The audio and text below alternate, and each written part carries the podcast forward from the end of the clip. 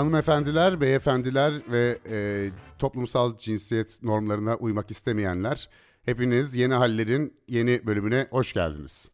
Ben Özgür Mumcu. Bugün Eray Özer'le beraber bir antik Yunan tanrıçası hakkında konuşacağız. Bu tanrıçanın adı Higeia yani hijyenin, sağlık sanatının tanrıçası. Merhabalar efendim. Merhabalar, hoş geldiniz hepiniz. Higeia sağlık tanrısının kızı ve birçok da kardeşi var. Kardeşlerinden biri nekehat tanrıçası, öbürü iyileşme tanrıçası, bir diğeri güzellik ve görkem tanrıçası ve vücuduna sarılan bir yılanı besleyerek e, genelde canlandırılıyor.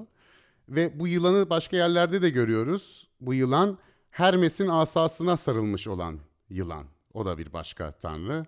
Hermes aynı zamanda yolculuğun, sporun ve ticaretin tanrısı ama insanları, ölenleri yeraltı dünyasına da götüren bir tanrı bu. Ve elindeki o asayla götürüyor. Bu asanın dokunanı ölüyü dirilttiği, işte ee, diriyi de öldürdüğüne inanılıyor. Neden çıkmış bu tanrıça?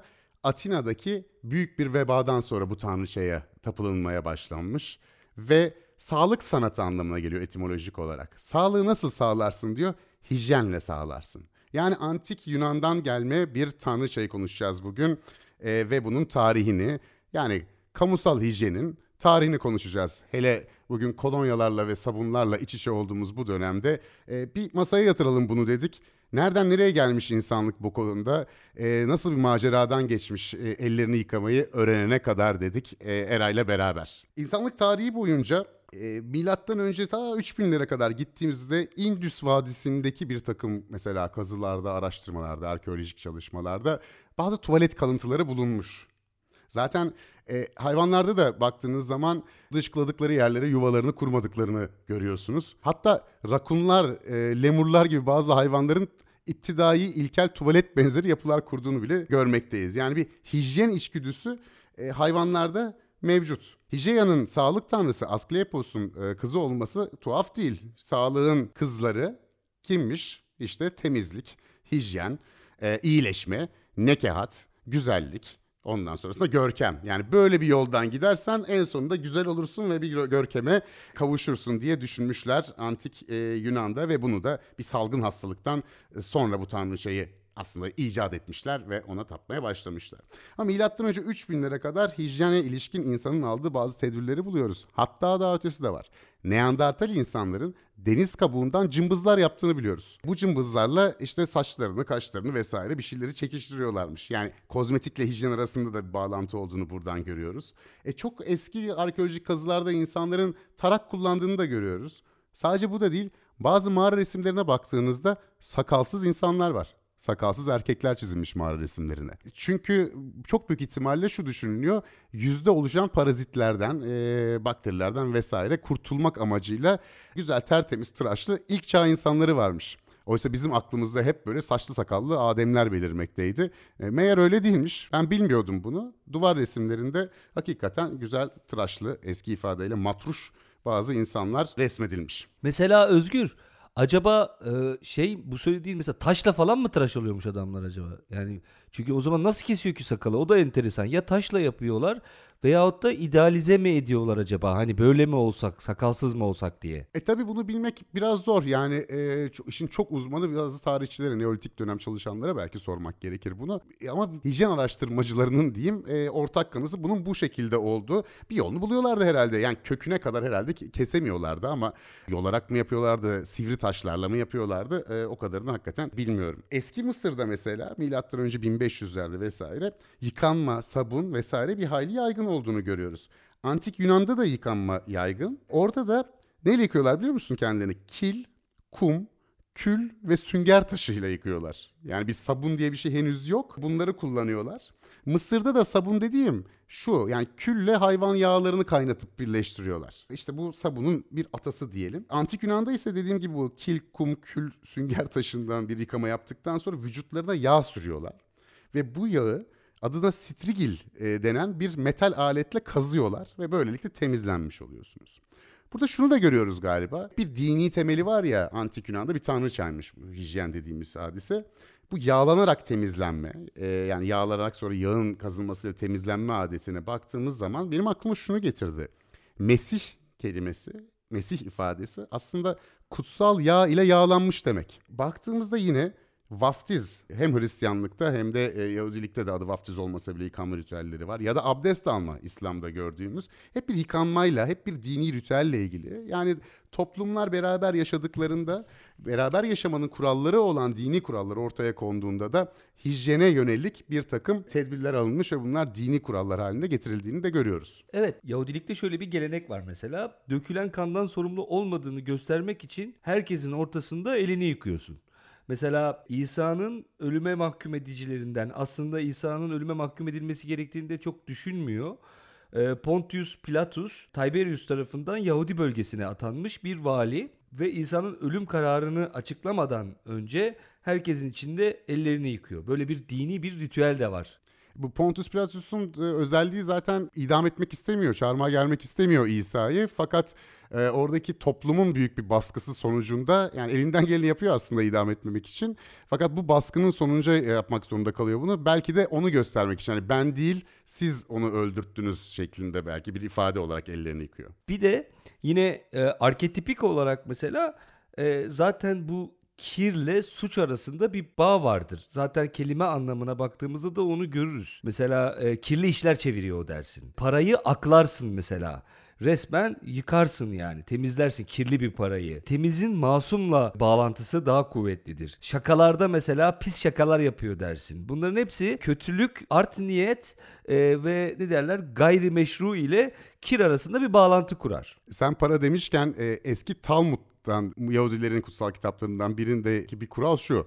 Parayı ağzına götürme.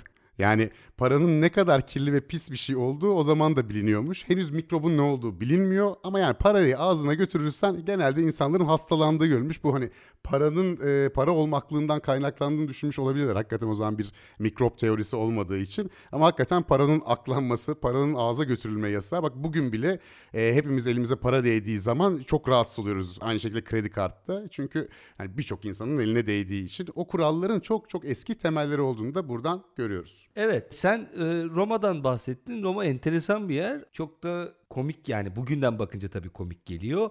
Mesela işte Roma'da bu toplu tuvalet ve banyolar var. Bazı fotoğrafları var. Tabii biz kültürel olarak bugün anlamakta zorluk çekiyoruz. 40 kişi, 50 kişi bir araya geliyorlar.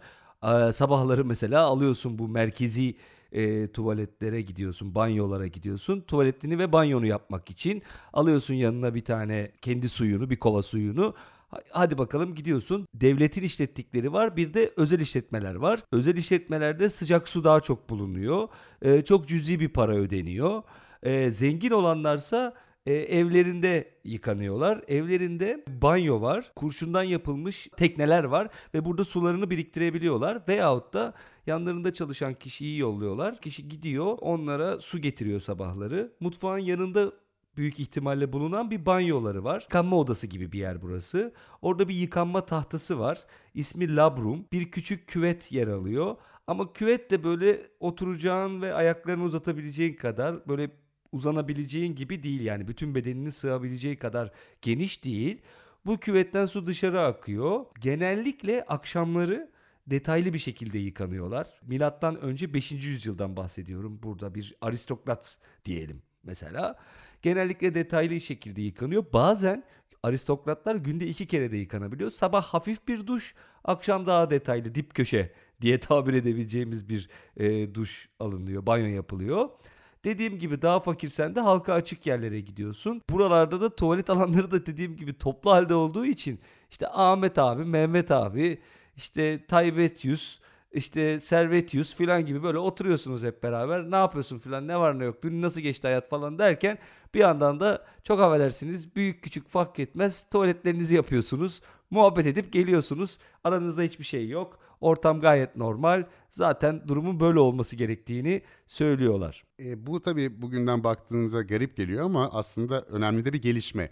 E, çünkü banyo yapmak, yıkanmak o zaman için çok zor iş. İşte su ısıtacaksınız, su bulacaksınız. Herkesin öyle imkanları yok. Bu e, kamuya açık hamamların yani antik Yunan'da milattan önce bu hamam meselesi 600'lerde çıkmaya başlıyor. Ondan sonra Roma'ya da geçiyor bu e, adet. E, bu hamamlar, ortak tuvaletler aslında kamusal temizliği sağlamak için çok önemli. E, bir de nasıl siliyorlar arkalarını diyelim? Yün ve gül suyu kullanıyorlar ilk etapta. Sonra bu biraz zorlu olmaya başlıyor ve tuzlu suya batırılmış sünger kullanmaya e, ya geçiyorlar bir noktadan sonra. Milattan önce 300'ler gibi. E, ardından O da yakmaz mı abi? E, Valla bilmiyorum denemeyi de düşünmüyorum. E, milattan sonra 100. yılda ise artık foseptik çukuru bulunuyor. Yani hatırlarsınız belki işte eskiden böyle köylük bir yere gittiğinizde vesaire kanalizasyon gelmemiş yerlerde foseptik çukurları olurdu. Ee, idrarın ve dışkının biriktirildiği belediye gelir onu bir vidanjörle çekerdi hatta. Küçükken şeyi duyardık işte çocuk foseptik çukuruna düşmüş işte ölmüş falan feci bir ölüm e, şekli olarak e, anılırdı ki mesela düşenlerden biri ünlü yazar Refik Halit Karay anılarında anlatır. Evde böyle kendi kendine dedektifçilik oynarken Osmanlı'nın son dönemlerinde elinde bir karanlıkta mum ışığıyla geçerken açık bırakılmış bir sebeple foseptik çukuruna düşmüş. Neredeyse ölüyordum bok yoluna gidiyordum 15-16 yaşında diye de e, ya da işte 13-14 yaşında diye de anlatır.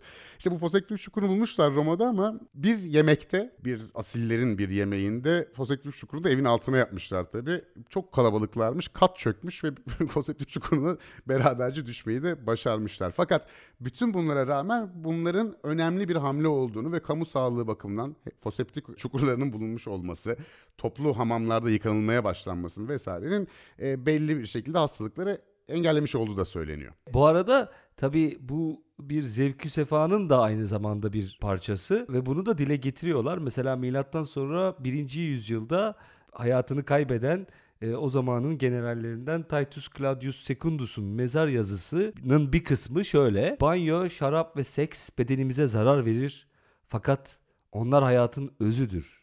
Banyo, seks ve şarap şeklinde. Yani bugün bile wow dedirten bir mezar yazısı düşünebiliyor musun? Bugün mezarımızın başına bunu yazsak derler ki adama bak yani bildiğin keyif pezevengiymiş derler yani. Sex, drugs and rock'n'roll'u buymuş demek ki e, beyefendinin de. İşte Çin bu arada tuvalet kağıdını icat eden ülke. Yani kağıdı da onlar icat ettiği için muhtemelen milattan sonra artık 1400'lere geliyoruz.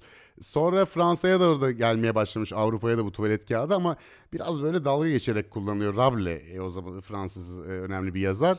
E, ilk onun bir eserinde görüyoruz 1600'lerde ve nasıl işe yaramadığını anlatıyor. Çünkü zaten hazır kağıt bulmak falan zor o dönemlerde e, ve işte pek de işlememiş. Fakat işte bugün biliyoruz ki e, bayağı kıymete bindi tuvalet kağıdı. E, fakat Orta Çağ'la beraber temizlik alışkanlıklarındaki durum ne olmuş? Hani o Roma'nın, Antik Yunan'ın hamamları bilmemleri falan ortadan kaybolmuş mu? Zannedilenin aksine kaybolmamış.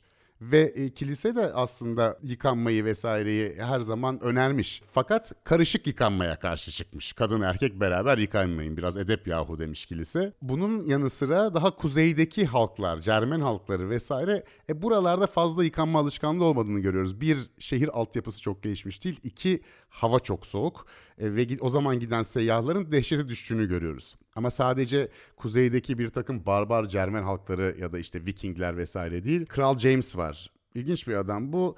James 6 bu İskoçlar için. Birinci James İngilizler için. Yani adam İskoçların 6. James'i, İngilizlerin 1. James'i. Çünkü İskoçya kralı iken aynı zamanda işte bir takım bu e, soy meseleleri sebebiyle İngiltere'nin de kralı veriyor. Ama İngiltere'de daha önce James diye kral olmadığı için İngilizler 1. James, İskoçyalılar 6. James diyor.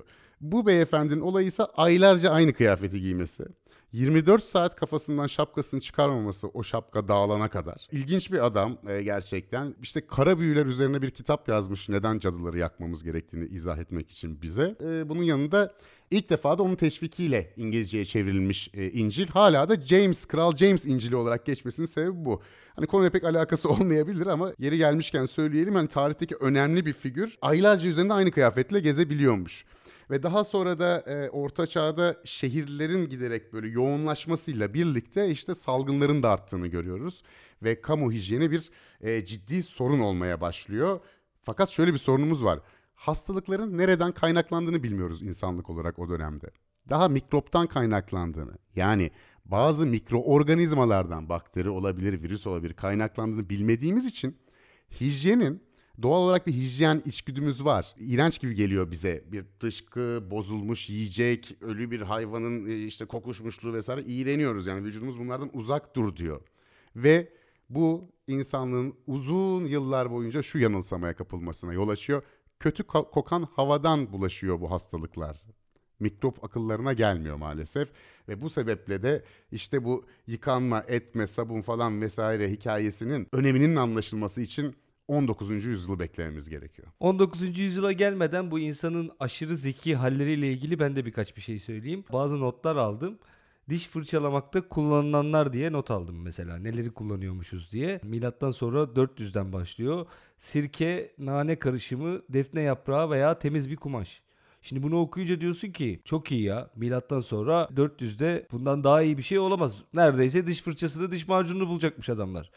Britanya'da 1110 yılında milattan sonra tabi balık kılçığı tozuyla fırçalayıp sülfürik asit ve sirkeyle çalkalıyorlarmış. Hafiften bozmaya başlıyorlar kendilerini. Ondan sonra 1600'de tamam yine bir toparlama var. Ada çayı, biberiye, sirke ve şarap. Sirke ve şarapla yine çalkalıyorlar. Abi 1750'de bir tane Fransız bir adamcağız tavsiye ediyor. Diyor ki sidiğinizle diyor fırçalayın. Şimdi geldi geldi insanlık en son geldiğimiz noktada niye şimdi sidikle dişimizi yıkamaya başladık? Ama bu idrarın e, temizlik amacıyla ilk kullanılması değil. Milattan önce 300'lerde de antik Yunan'da kül ve idrardan bir çeşit çamaşır sodası yapıyorlar ve çamaşırlarını o şekilde yıkıyorlar. Yani bir temizleyici özelliği de var demek ki bazı başka elementlerle e, bir araya geldiğinde. E bizde şey de vardır bu arada. Yani işte ne olur mesela İskorpit çarptı, balık çarpması, yılan sokması falan filan hemen amonyak lazım. Ne yapacaksın? İskorpit balığı biliyorsun seni çarptı mı bilmem beni çarptı bu arada. Böyle bir anda elin uyuşmaya başlar.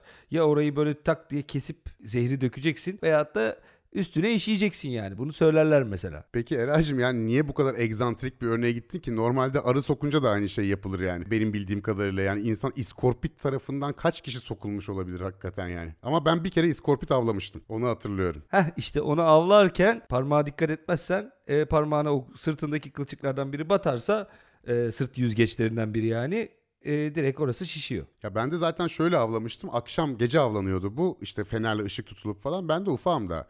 Benim de elime öyle tırışkadan verdiler bir tane olta. Abiler mabiler işte orada balık avlıyorlar yazlıkta. Ne taraftaydı? Şeydeydik yanılmıyorsam. Ayvalık'ta mıydık, öğrende miydik? Çocuğum hatırlamıyorum. Niyeyse benimkine vurdu. Benimkine vurunca ben çektim. İskorpit gelince Allah diye atladılar. Beni geri çektiler. Bir özel aparatı ağzına e, geçirdiler iskorpitin ki iskorpitin iğneleri değmesin diye. Onu böyle çember şeklinde demir bir çemberin altına taktılar. Böyle çanta gibi taşıdılar zavallı balığı. Çorbası çok lezzetliydi. Bir de onu hatırlıyorum. Yani en azından bu işi hani idrardan daha lezzetli bir yere getirelim diye düşündüm. Şimdi bu hastalığın nereden kaynaklandığını bilinmemesi çok ciddi bir sorun gerçekten. E, çünkü o dönem şöyle bir şey var. O dönem dediğim ta milattan önce 2. yüzyıldan beri Bergamalı bir bu arada aynı toprakların insanıyız Galen. E, Bergamalı Galen e, kendisi bu teoriyi ortaya koyuyor. Daha önce de bahsedenler var. Bunun adı miyazma teorisi. Miyazma böyle pislik, kirlilik anlamına geliyor. Aslında yine bak dini bir tarafa gidiyoruz. Çünkü ilk miyazmanın ilk kelime anlamı e, günah. Tanrı'ya karşı yapılan bir kirlilik. Daha sonra anlam değişikliği uğruyor. Miyazma teorisi şu. Havadaki kötü kokulardan hastalık olur. Neden havada kötü koku olur? Hayvanlar ölür, çürür, bitkiler ölür, çürür.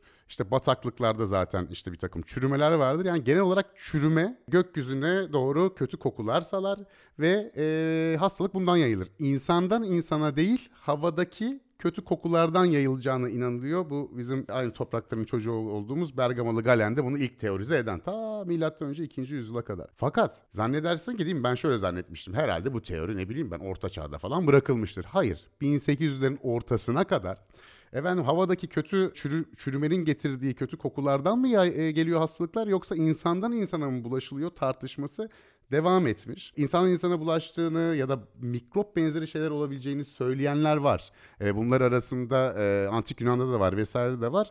Fakat e, İslam alimleri bu konuda bir aile adım atmışlar. İşte İbn Sina'nın meşhur işte El Kanun Fit Tıp diye bir tıp kitabı var. Or, bütün Orta Çağ'da Avrupa'da okutulan önemli bir e, tıp kitabı. E, orada bahsediyor insandan insana hastalık bulaşır diyor. Yani hem miyazma teorisine inanıyor O da şöyle bir işe yarıyor. Bataklıkların falan yanında ev yapmıyorsun. Buralar kötü kokuyor diye. Orada da zaten sivrisinek var seni sokuyor. Fena değil yani işe yarıyor bazı yerlerde bazı noktalarda.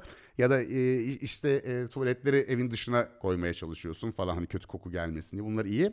Ama ibn Sina insandan insana geçebileceğini düşünmeye başlıyor. E, daha sonra bu hikaye Eyyubiler zamanında bunun adı da konuyor. Adı da necaset. Yani mikrop benzeri gözle görülmeyen bir şeyler var. İnsanın insana bulaşıyor diyorlar. Bunun adına da necaset diyorlar. Bugün bile bazen kullanılır değil mi pislik anlamında Türkçe'de necaset ya da bir şeye necis denir e, pis anlamında. Fakat genel itibariyle miyazma teorisi yani ortalıktaki pis kokudan kaynaklanma. Şimdi belki hatırlarsınız ya da bu dönemde e, belki eski veba ile ilgili görüntüler gözünüzün gelmiştir. O zamanki doktorlar böyle maskeler takıyorlar ve bunun ucu böyle şeydir gaga gibidir uzundur. Böyle grotesk maskeleri var. Onun burun kısmının uzun olmasının sebebi oraya çiçekler, miçekler, parfümler falan koyuyorlar ki o kokular o kötü kokuyu bastırsın ve daha sağlıklı bir hava teneffüs edilsin. Evet bu güzel koku meselesi önemli. Bunların aslında bu güzel koku meselesinin başı e, şöyle yakmayla başlıyor hikaye. E, zaten yakma meselesi oldukça uzun sürüyor. İşte tütsü, Osmanlı'da buhur. Zaten parfümün de kelime anlamı perfumu denilen Latince kelimeden geliyor. Kelime dizisinden geliyor diyelim. Duman yoluyla demek perfumu. E, aynı şekilde mesela sabun da yağ anlamına gelen e, sebumdan geliyor yine Latince. Parfümün e, Orta Çağ öncesinde bir kere Kleopatra ve Nefertiti tarafından çok kullanıldığını, çeşitli bitkilerin, çeşitli çiçeklerin karıştırılarak parfüm elde edildiğini biliyoruz. Aynı zamanda Mısır bir ara öyle bir noktaya geliyor ki e, parfümü mesela metapion dedikleri bir parfümü ihraç etmeye başlıyorlar artık. O noktaya geliyor yani iş. Daha sonra Orta Çağ ile birlikte çiçeklerden esans elde etme işi bir uzmanlık alanına dönüşüyor kimyagerlerin birebir de uğraştıkları ki bu kimyagerler zaman içerisinde zaten eczacıya dönüşecekler ve birer eczacı olacaklar. Ta orta çağdan günümüze gelene kadar da bu parfüm işini eczacılar yani çok yakın tarihlere kadar diyelim daha doğrusu 1950'lerde bir endüstri haline alana kadar eczacılar üstlenecekler. Keza daha sonra bahsederiz Osmanlı'da da aynı şekilde. Orta Çağ'da Medici ailesinden Catherine de Medici, Lorenzo'nun kızı bu arada meşhur, muhteşem Lorenzo'nun kızı kendisi. E, Valois'lı Henry ile evleniyor, Orleans Dükü e, ve Fransa'ya geliyor. Fransa'ya gelirken yanında kendi e, kimyacısını getiriyor. Floransalı Rene ve Rene çiçeklerle uğraşan, işte parfüm üretiminde çalışan bir kimyacı e, ve Fransa'da Grasse kentinde çiçek ve e, bitki yetiştirmeye başlıyor. Bugün dünya parfüm merkezdir Grasse hala. Esans merkezdir. Ben bulundum orada. Bir yakınımın orada evi vardı. O yüzden de ben de o Grasse'a çok yakın bir yerde kaldım bir hafta 10 gün kadar. Sahiden de sokaklarda bazen esans duyuyorsunuz bugün Gras'ın sokaklarında gezerken. Ama şöyle değil tabii hani çok da dünyanın en zevkli mis gibi kokuyor gibi bir durum olmuyor. Çünkü birbirine karışan çok yoğun aromalar bunlar. E, ama bu kolonya dediğimiz hadise parfümden o zaman farklı. Çünkü o Köln, Köln suyu aslında değil mi? Eau de Cologne Fransızcası. Köln'den gelen su, Köln suyu şeklinde. Almanya'dan çıkan bir şey ve parfümle arasında bir fark var. Daha hafif galiba değil mi kolonya? O dönem öyle bir e, özelliği var diye biliyorum. Evet. Şimdi orada çok enteresan bir şey var. İlk bir bu alkol işin içine girecek. Yani alkolle bu aromaları karıştırma işi işin içine giriyor. Kolonyadan bir tık önce e, Macar suyu. Bu alkolle karıştırılmış ve antibakteriyel etkisi olan. Bu da e, kraliçenin yani kraliçenin suyu aynı zamanda diye kullanılıyor. Bu kraliçenin de e, aslında Polonyalı Elizabeth olduğu düşünülüyor. Çünkü tarihlere bakıldığında Macar Elizabeth yani Macaristan'ın Elizabeth'i biraz erken bu e, Macar suyu için yaşam süresi daha erken. Polonyalı Elizabeth'in suyu daha sonra Macar suyu olarak tarihe geçmiş. Zaten o Macar suyundan çok kısa bir süre sonra, çok da kısa bir süre sonra değil gerçi yine bir 200-300 yıl araya girmiş. E, Köln suyu olarak bildiğimiz Giovanni Paolo de Feminis'in İtalya'da keşfettiği bir kokuyla Almanya'nın Köln şehrine yerleştiği ve burada bu kokuyu üretmeye başladığı, önce hayranlığa değer su adıyla üretiliyor. Daha sonra 1727 tarihinde Köln Tıp Fakültesi tarafından bu su tıbbi olarak kabul ediliyor. Burası önemli çünkü alkol işin içine girdiği için artık tıbbi bir özellik kazanıyor. Macar suyunda da olduğu gibi. Ama tahmin ettiğimiz gibi değil. Yani elleri efendim e, şey yapmak için, dezenfekte etmek için falan kullanılmıyor. Mesela kesme şekerin üzerine azıcık damlatılıp e, yeniyor kolonya. Çünkü içindeki alkol ve esansların iyi geleceği düşünülmüş. Yani insanlar böyle küp şekerin üzerine alkol içiyorlar. Nasıl absent diye bir içki vardı daha sonra yasaklanmıştı e, halüsinatif etkileri olduğu için. Onu da böyle kesim şekerin üzerine döküp yerlermiş ve akıllarını yitirlermiş. İşte bu Van Gogh'lar falan kulak kesmeye kadar gitmişler o meseleden. Demek ki böyle kesme şeker üzerine bir şey koyup verme eski bir ilaç verme şekli zaten. Hani acılığını da alsın vesaire diye galiba. Evet 1709'da Jean-Baptiste Farina tarafından Öde Cologne diye üretilmeye başlanıyor. Piyasaya sürülüyor. İçinde limon, portakal, nane, bergamot ve alkol karışımı var. Ve e, Farina da aslında bir berber. E, bu berberlerin tıp dünyasındaki önemi büyük. Çünkü mesela dişlerimizi filan da uzunca bir süre berberler çekiyorlar. Aslında dişçilik berberlikten türemiş bir meslek. Evet bu parfüm meselesi alkol meselesiyle karışınca işte kolonyalaşıyor ve kokuların havadaki e, kötü kokuları e, atacak, havadaki kötü kokularından arındıracak bizi bir güzel kokular önem kazanıyor. Aynı zamanda salgınlar çıktığı zaman kolera vesaire sokak başlarında ateşler yakılıyor. Bak yine bu yakma meselesi orada da var. İşte bu yakılan ateşlerin kötü havayı ortadan kaldıracağı düşünülüyor. Şuna da inanılmış o dönem. E, gece havasından çok korkuluyor. Gece olduğu zaman evlerde pencereler kapatılıyor. Üzerine işte neyse o zaman pancurlar varsa onlar kapatılıyor. Tahta çakılıyor vesaire. Hatta şöyle bir hadise var. Bu Amerika'nın kurucu babalarından Benjamin Franklin ve John Adams bir gün bir evde kalıyorlar işte bir yerden bir yere giderken işte Amerika'yı ya kurdular ya kuracaklar. O evdeyken John Adams diyor ki abi aman diyor şu camı pencereyi kapatalım abicim diyor. Oradan diyor bak gece havasından hastalık gelir diyor falan. Benjamin Franklin bir bilim insanı biliyoruz yani bu meşhurdur değil mi? Uçurtmaya anahtarı bağlıyor da işte e, gökyüzüne e, koyup bulutlarda elektrik olduğunu falan ispatlamaya çalışan biri. Birçok icadı var. Aynı zamanda siyasetçi, aynı zamanda diplomat vesaire. John Adams da Amerika Birleşik Devletleri'nin ikinci başkanı olacak adam. O da eğitimli kişi yani. Benjamin Franklin ya Allah aşkına diyor açıyor pencereleri ve bir saat boyunca azarlıyor John Adams'ı. Böyle saçma sapan şeylere inanmayın geçti bunlar diyor. Fakat ta 1900'lerin başlarına kadar bu gece havası kötü gelir deyip cam kapatma, pencere kapatma meselesi devam ediyor. Şunu diyorlar o zaman da ya işe de yaramıyor değildi. Şu sebeple işe yarıyordu. Ee, sivrisinek girmesini engelliyordu. Sinek girmesini engelliyordu. Nemi biraz azaltıyordu. Ama öte yandan ev havasız kaldığı için de evin içerisinde başka hastalıklara da yol açabiliyordu. Bugün inanılmaz geliyor ama gece havasındaki kötü kokulardan hastalanabiliriz gibi inanış varmış. Hala bak bilinmiyor mikrop meselesi ve inanılmaz bir hadise gerçekleşiyor. Viyana'da bak yine Macar birinden. Adı Ignaz Semmelweis isimli bir doktor. Ee, Viyana'nın en önemli hastanesinin kadın doğum uzmanı ve şunu fark ediyor.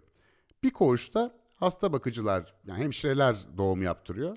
Bir başka koğuşta tıp öğrencisi erkekler doğum yaptırıyor. Tıp öğrencilerinin doğum yaptırdığı koğuşlarda doğum sonrası anne ölüm oranı inanılmaz yüksek. Bakıyor bakıyor adam niye burada bu kadar yüksek diyor. Hemşirelerinki o kadar yüksek değil. Tıp öğrencilerinki yüksek. Çünkü o ders programı sebebiyle tıp öğrencileri otopsiden sonra geliyorlarmış doğumhaneye. Ellerini yıkamadan doğum yaptırıyorlarmış. Yani zaten otopsi yaparken de ellerini yıkamıyorlar. E, otopsi sırasında o enfekte olmuş ellerle doğum yaptırdıkları için inanılmaz ölümler gerçekleşiyor. Bunun üzerine Ignaz Semmelweis diyor ki ellerinizi yıkayın. Bugün nasıl biz hepimiz elimizi yıkıyoruz şu son koşullarda. İşte ilk bu işin babası diyelim bu kişi ellerini yıkatıyor bunları. Ellerini yıkayınca 20 kat azalıyor ölüm oranları. %1'in altına düşüyor. İnanılmaz bir olay. Zannedersin ki bundan sonra herkes öğrendi. Elleri yıkandı. Ha mikroptan oluyormuş dendi. Olaylar 1840'larda geçiyor. Öyle olmuyor. Diğer tıp insanları bunu şarlatanlıkla suçluyorlar. Böyle saçma sapan şey mi olur? Kötü kokudan gelir canım diyor hastalık diyor. Çünkü bütün teorileri yıkılacak o zaman. Bilimin de bazen hele o dönemlerde yani bilimsel aklın yeni oluşmaya başladığı dönemlerde bu tip yobazlıkları var. Kimse inandıramıyor adam. Ya diyor 20 kat azalttım el yıkayarak. %1'in altına düşürdüm. Ve şey deniyor halk arasında annelerin kurtarıcısı falan gibi lakapları var. Fakat tıp çevrelerinde inandıramadığı için sinir krizi geçiriyor. Bunun üzerine meslektaşları kendisini akıl hastanesine kapatıyorlar. O akıl hastanesinde gardiyanlar Ignaz Semmelweis'i dövüyor. Bu dayak sonrasında elinde bir yara oluşuyor. O yara kangren oluyor ve hayata veda ediyor kendisi. İlk defa bunu bulan, mikrobun e, enfeksiyonunu düzelten insan meslektaşlarını inandıramadığı için delirerek akıl hastanesine kaldırılarak ve bir de üzerine kangrenden ölüyor. Bu hakikaten e, fena bir durum fakat bundan yaklaşık 20 sene sonra Pasteur devreye giriyor. Hepimiz biliriz değil mi? Louis Pasteur işte Pasteur Enstitüsü meşhur e, şeyde Fransa'da. Pastörize sütten biliriz ismini bilmesek bile. Pasteur metoduyla yapılan süt. E, değil mi? O pastörize süt alınır. Yani çiğ süt alma, pastörize al ya da önce pastör, kaynat şu sütü bir. Ha, suyu kaynat, sütü kaynatıyor aslında 60 ila 100 derece arasında. Neden? Yerel bir şarap üreticisi var. Bay Bigo, Monsieur Bigo. Monsieur Bigo gidiyor. Pastör bir kimyager, kimyacı. Diyor ki ben pancardan alkol yapıyorum diyor. Pastör efendi diyor. Fakat bu ekşiyor diyor. Sen diyor buna bir çözüm bul diyor. Sen kimyadan anlıyorsun. Tamam diyor. Fermentasyon sürecini işte mayalara bilmem falan inceliyor pastör. Ve anlıyor ki mikroorganizmalar var ve bunlar birayı, şarabı ve sütü bozuyor. Ve iki tane eser çıkarıyor. Bir tanesi Etüt sur le vin, öbürünün adı Etüt sur la bière. Yani şarap üzerine çalışmalar, bira üzerine çalışmalar. Bu çalışmalarında şunu ispat ediyor kendisi. Mikrop diye bir şey var, mikroorganizma diye bir şey var ve buradan kaynaklanıyor bu. Ya ondan önce bundan şüphelenen çok insan var. İşte necaset meselesinde gördük İbn Sina'da. Antik Yunan'da da var ama artık süreç ispat ediliyor. Pastörizasyonun işe yaradığı ortaya çıkıyor. Ve şarap bir şarap üreticisinin pancardan alkol yapma arzusu bize pastörizasyonu veriyor. Burada kalmıyor. Bir İskoç Joseph Lister adında okuyor Pasteur'ün bu eserlerini ve Pasteur şöyle diyor yani mikro, mikroorganizmadan nasıl kurtuluruz ya filtreleriz diyor ya kaynatırız diyor ya da diyor bazı kimyasal solüsyonlar kullanabiliriz diyor. Bunun üzerine bu Lister'de bu kimyasal solüsyonları oluşturarak ameliyat ekipmanlarını sterilize ediyor. Antiseptiği ilk bulan kişi yani mikroorganizma karşıtı bir kimyasalla ameliyat teçhizatını işte neşteri vesaireyi falan temizleyen ilk kişi. Olaylar 1870'lerde. 1870'lere kadar insanlar otopsiden çıktıkları elleriyle doğum yaptırıyorlar. Ameliyatlara pis elleriyle giriyorlar. Efendime söyleyeyim ameliyat aletlerini hiçbir şekilde dezenfekte etmiyorlar. Hadi Joseph Lister yaptı artık anlayın kardeşim ya. Yani bu Macar doktor Viyana'da yaptı adamı delirttiniz hapse şeye attınız akıl hastanesine attınız adamcağız öldü. Hadi pastör dayak yememiş Allah'tan o kurtarmış gibi durumu ama Lister'de bu aralar çok gördüğümüz bir dergi var. Lancet dergisi. Ee, bir tıp dergisi. Şu ara e, Covid virüsüne ilişkin gelişmeleri oradan okuyoruz. Çok saygın bir dergi. Tabii o yıllarda henüz bu metodoloji tam oturmamış. Hala o eski teoriye inanç var. Orada çıkan bir makalede Joseph Lister'e karşı da uyarılıyor insanlar. Ya çok yani bu düşüncelerin temeli olmayabilir yani falan diye şüpheyle yaklaşılıyor hala. Ama onu akıl hastanesine atmıyorlar ve kralın sağlık danışmanı olma e, seviyesine geliyor. Ve e, taç giymek üzere olan bir kralın apandisi patladığı zaman Joseph Lister'in söylediği şekilde ameliyat ekipmanları işte neşteri bilmem nesi falan sterilize ediliyor ve başarılı geçtikten sonra artık insanlar yavaş yavaş ikna olmaya başlıyorlar bu mikrop meselesine. Yani düşünebiliyor musun 19. yüzyıla gelinceye kadar 19. yüzyılın sonuna gelinceye kadar işte dedik ya 18. yüzyılın ortasında falan sidikle dişlerini fırçalayalım falan diye işte insanın kendi idrarıyla diş fırçalama yöntemleri falan tavsiye edilirken birden olaylar hızlanıyor. Tabi bu güzel koku meselesinden bahsederken şunu da atlamış olmayalım. Parfüm Ortaçağ Avrupa'sında bir takım kötü kokuları bastırmak. Suyla olan insanın ilişkisi mesela Roma'yı aratır bir duruma geliyor. Bunun kıtlıkla falan da alakası var. İşte ateş kaynakları, ateş odunun azalması vesaire böyle bir takım sebepleri de var. Fakat netice itibariyle gelinen noktada şöyle bir şey oluyor. Bir Fransız devrimi yaşanıyor ve yeni bir sınıf, Burjuva sınıfı tarih sahnesindeki yerini alıyor. Ve Burjuva sınıfı e, aristokrasinin alışkanlıklarını geride bırakmak adına parfümün yerine kolonyayı tercih etmeye başlıyor. Bir koku olarak ve kolonyayı kullanıyor. Bu esnada bizde ne oluyor? Osmanlı'da dediğim gibi e, ilk başta buhurla başlıyor. Buhur genel olarak kokulu buhar çıkarıcı maddelere verilen genel isim. Gül suyu çok önemli. Keza Avrupa'da olduğu gibi Osmanlı'da da gül suyu çok önemli. Ee, Evliya Çelebi'nin seyahatnamesinde 17. yüzyıl sonlarında Edirne çevresinde geniş gül bahçelerinin bulunduğu ve bu bahçelerde yetiştirilen güllerden elde edilen gül suyunun da İstanbul'da Edirneli kadınlar tarafından bakır kazanlarda satıldığı belirtiliyor. Yani kadınlar Edirne'den buraya gelip gül suyu satıyorlar. Gül suyundan sonra e, Ahmet Faruki beyefendi ile birlikte kolonyaya bir geçiş yaşanıyor. Mısırlıydı değil mi Ahmet Faruki? Evet Ahmet Faruki e, Mısır'dan İstanbul'a geliyor. İkinci Abdülhamit döneminde ilk yerli kolonya üreticisi olarak ortaya çıkıyor. Bu enteresan yabancılarla yabancı ağırlıklı bu iş. Özellikle kozmetik sektörü diyeyim o zamanın yabancı ağırlıklı. Ahmet Faruki ilk olarak yağcılıkla işe başlıyor. Daha sonra bir deprem sonrası e, Sultanhamam'a taşınıyor ve işleri iyi gitmeyince ikinci meşrutiyetin ardından da Cici adını verdiği küçük bir dükkana geçiyor. Cici bir süre sonra da markasına dönüşüyor. Cici markasıyla pudra, ruj, kolonya, esans üretiyor ama esas kolonya ile adı anılıyor. Ee, Abdülhamit'in kendisinin de bu kolonyayı çok tercih ettiği, işte cebinde taşıdığı, özellikle cuma namazına gittiğinde daha içeri girer girmez hemen güzel koku yaymak için süründüğü söylenir. Yani o zaman kolonya sürünürken e, bunun içinde alkol varmış denmiyormuş demek ki. Caminin içerisine bile kolonya ile girilip sürülüyormuş kolonya yani alkol var haramdır gibi bir yaklaşım görmüyoruz Osmanlı'da da. Ya zaten bugün Abdülhamit bugünkü yobazları görseydi sopayla kovalardı herhalde yani. Abdülhamit romunu içen işte kolonyanın camiye girmesinin tabii ki bir günah olmayacağını bilecek kadar da e, aklı çalışan falan bir adam. Yani hakikaten bugünkü yobazları görse Abdülhamit e, ciddi söylüyorum sopayla kovalardı gibi geliyor bana. E, şöyle de bir durum var bu arada Ahmet Faruki ile alakalı. Kızı çok ilginç geldi bana. Bunu da ge- gelmişken e, bahsedeyim. Sabiha Ziya Hanım ise e, Türkiye'nin ilk kadın heykeltıraşı. E, ve e, yurt dışında eğitim görmüş. Çok başarılı da bir heykeltıraş.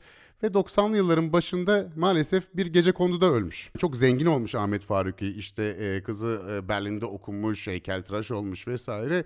Ve bir şekilde kariyeri, hayat, kader nasıl geldiyse İstanbul'da bir gece konuda vefat etmiş. Yani bunu da yeri gelmişken bundan da bahsedelim iste- istedim. İyi yaptın. Ben şöyle e, toparlayayım yavaş yavaş. Süremizin de sonuna doğru yaklaşıyoruz. Bize kendimize ayırdığımız sürenin sonuna yaklaşırken e, bir e, anekdot vereyim. Tabii merak ettim Mustafa Kemal hangi e, kokuyu kullanıyordu, ne seviyordu diye. Kolonya seviyor o da. E, ve Hasan Şevki'nin ürettiği kolonyayı seviyor. Niye Hasan Şevki'nin ürettiği kolonyayı seviyor? Çünkü Hasan Şevki Anafartalar grubunda Mustafa Kemal kumandanken onun mahiyetinde çalışan e, askerlerden bir tanesiymiş. Kendisine de severmiş, çok güvenirmiş. O yüzden de e, Hasan Şevki'nin kolonyasından aldırırmış kendisine. Hasan Şevki Çanakkale Savaşı ve Kurtuluş Savaşı sonrasında kendi markasını kuruyor. Bu arada Hasan Şevki'nin de torunlarından bir tanesi diyeyim İbrahim Çağlar yakın zamanda İstanbul Ticaret Odası'nın başkanlığını yapmış birisi. E, Eray Atatürk ve Kolonya diye kitap çıkartmayacaksın değil mi? Atatürk ve Berberi diye bir kitap var. Atatürk ve Berberi kitabını buldum ben. Ben o kitabı okuyacağım. Bu yayına yetiştiremedim. Atatürk'ün Selanikli bir berberi var. Ee, 1925'te Refet Bele tarafından Atatürk'e öneriliyor. Diyor ki bu çocuk çok iyidir paşam senin berberin olsun. Mustafa Kemal de çok titizmiş. Acayip böyle yani. Mehmet, Berber Mehmet sonra Mehmet Tanrıkut Mete ismini alıyor. Berber Mehmet Mustafa Kemal'den çok korkuyor. İlk tıraşta diyor ki bayılmak üzereydim diyor. Acayip zordu diyor. İşte 1925'te Çankaya Köşkü'nde göreve başlıyor. Öldüğü güne kadar yanından ayırmıyor Mustafa Kemal. İşte tıraşını her seferinde kontrol ediyor. Favorilerinin e, böyle bıyık hizasıyla favorilerin arasını elleriyle ölçermiş. İki taraf eşit mi diye. İşte her seferinde e, Berber Mehmet büyük bir korku duyarmış. Acaba bir yanlış bulacak mı diye bir ense tıraşına bakarmış filan. Bununla ilgili bir kitap var. Dediğim gibi ben bu kitabı çok merak ettim. Okuyacağım yani okumak istiyorum. Ee, Yaşar Gürsoy'un bu arada kitap. İnkılap Kitap Evi'nden çıkmış. Atatürk ve Berberi ismi. Üst başlığı da hoşça kalın çocuklar. Edebiyatı intikal ettiği gün yani 10 Kasım 1938'de Mustafa Kemal'i tıraş etmesini istemişler Mehmet'ten. Mehmet demiş ki ben ölürüm. Yani gerçekten fiziki olarak ölürüm hayatta böyle bir şey yapamam demiş ve yapmamış kabul etmemiş. Ben demiş paşayı bunca yıl tıraş ettikten sonra onun ölmüş bedenine dokunamam. Eray konuyu nasıl buraya getirdin? Yani biz Yunan tanrıçasıyla başlayıp Atatürk'ün berberine nasıl ilerledik? O zaman ben de yeri gelmişken diyeyim Cemal Granda vardır Atatürk'ün uşağıydım diye onun da bir kitabı var. İşte berberinin uşağının ikisinin kitabını okuyup Atatürk'ün çevresindeki kendisine hizmet eden saray personeli hakkında Çanak, e, Çankaya Sarayı personeli hakkında bir fikir edinebilirsiniz. Şimdi tekrar konumuza döneyim ben o berberlerden e, ve uşaklardan. Ya bugün İngiltere'ye gittiğiniz zaman bir takım kamu sağlığı uzmanlarının yıllık bir ders verdiğini görüyorsunuz. John Snow Derneği diye bir dernekte. Ve bu John Snow Derneği'nde yıllık ders veren, yani dünyanın birçok yerinde kamu sağlığı konusunda uzman profesörler bilmemler falan bu dersleri veriyor. Çok ciddi dersler.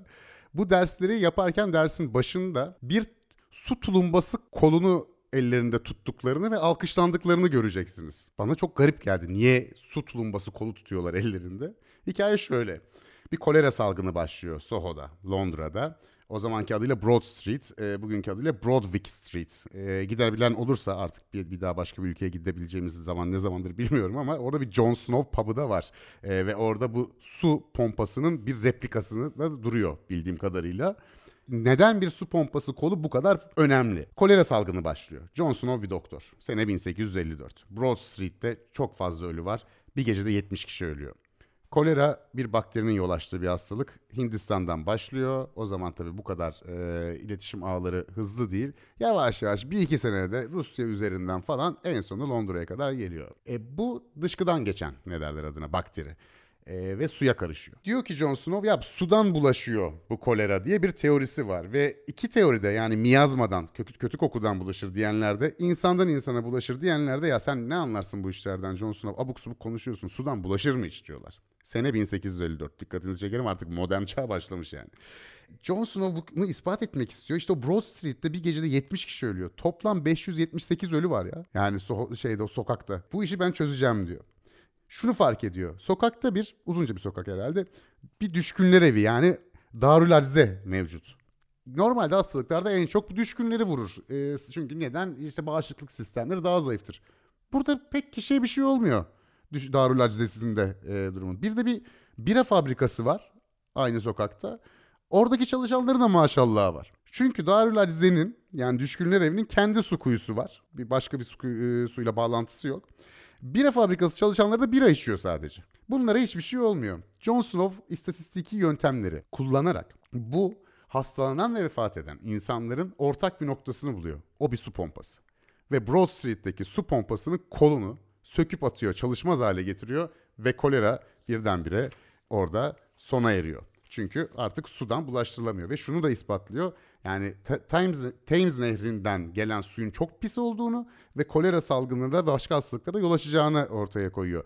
Zannedersiniz ki bu ha şimdi ispat edildi vesaire. Hayır. Salgın bittikten sonra o koluk bir güzel yerine takıyor Londra e, Belediyesi yetkilileri. Çünkü birçok bilim insanı da akıl almaz buluyor e, John Snow'un bu teorisini. Yani sudan koleranın bulaşabileceğini ispatlanmasına rağmen ikna olmuyorlar.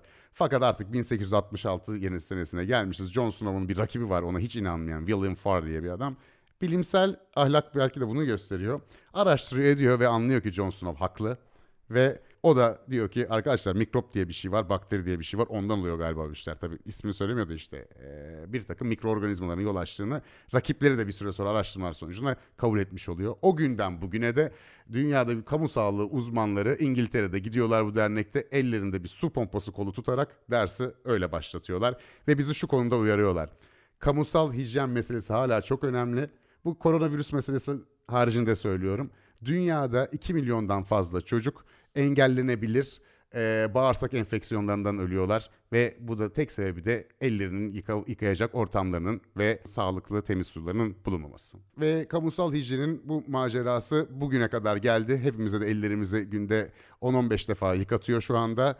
E, ellerimizi yıkamaya devam edelim. İmkanı olan da evinden çıkmasın e, bugünlerde diyerek esen kalın diyorum efendim. Evet güzel yerden bağladın ama ben de karşılığında sen anlatırken komplo teorimi oturttum yerli yerine.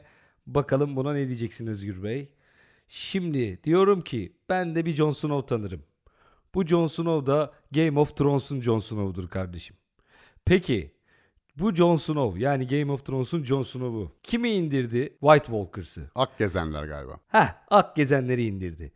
Derim ki o zaman Acaba bu ak gezenler dünyanın virüsü müydü? E zaten Akgezenler de birbirlerine sanki bir şey bulaştırıyormuşçasına insanları zombileştiriyordu ya aslında evet bir virüsü gösteriyordu. Bir e, hastalığı gösteriyordu. Jon Snow isminin belki de o sebeple konmuştu haklısın. Hocam onu ben bağlayacaktım ama ya. Bir saniye rica ederim. Hazır bulmuşum bir şey. tamam bağla da editten çıkaralım onu tamam. Hadi bağla. ben George R. R. Martin acaba Jon Snow'a Jon Snow ismini verirken dünyanın virüsünden kurtaran adam Jon Snow senin anlattığın Jon Snow'u düşünerek mi verdi? Bunu da ateistler açıklasın deyip bu bölümü bitiriyor ve herkese esenlikler diliyorum efendim. Hoşçakalın. Bir sonraki bölümde yakın zamanda görüşmek üzere ve e, canlı e, koronavirüsü hakkında yaptığımız canlı yayınları ise e, şimdilik Instagram'dan yapıyoruz video halinde. Yakın zamanda YouTube ve diğer platformlarda karşınızda olacağız. Haftada 1, 2, 3 gün artık ne kadar olursa gündemi ve dünyadaki koronavirüs gündemini değerlendirmeye devam edeceğiz. Esen kalın görüşmek üzere.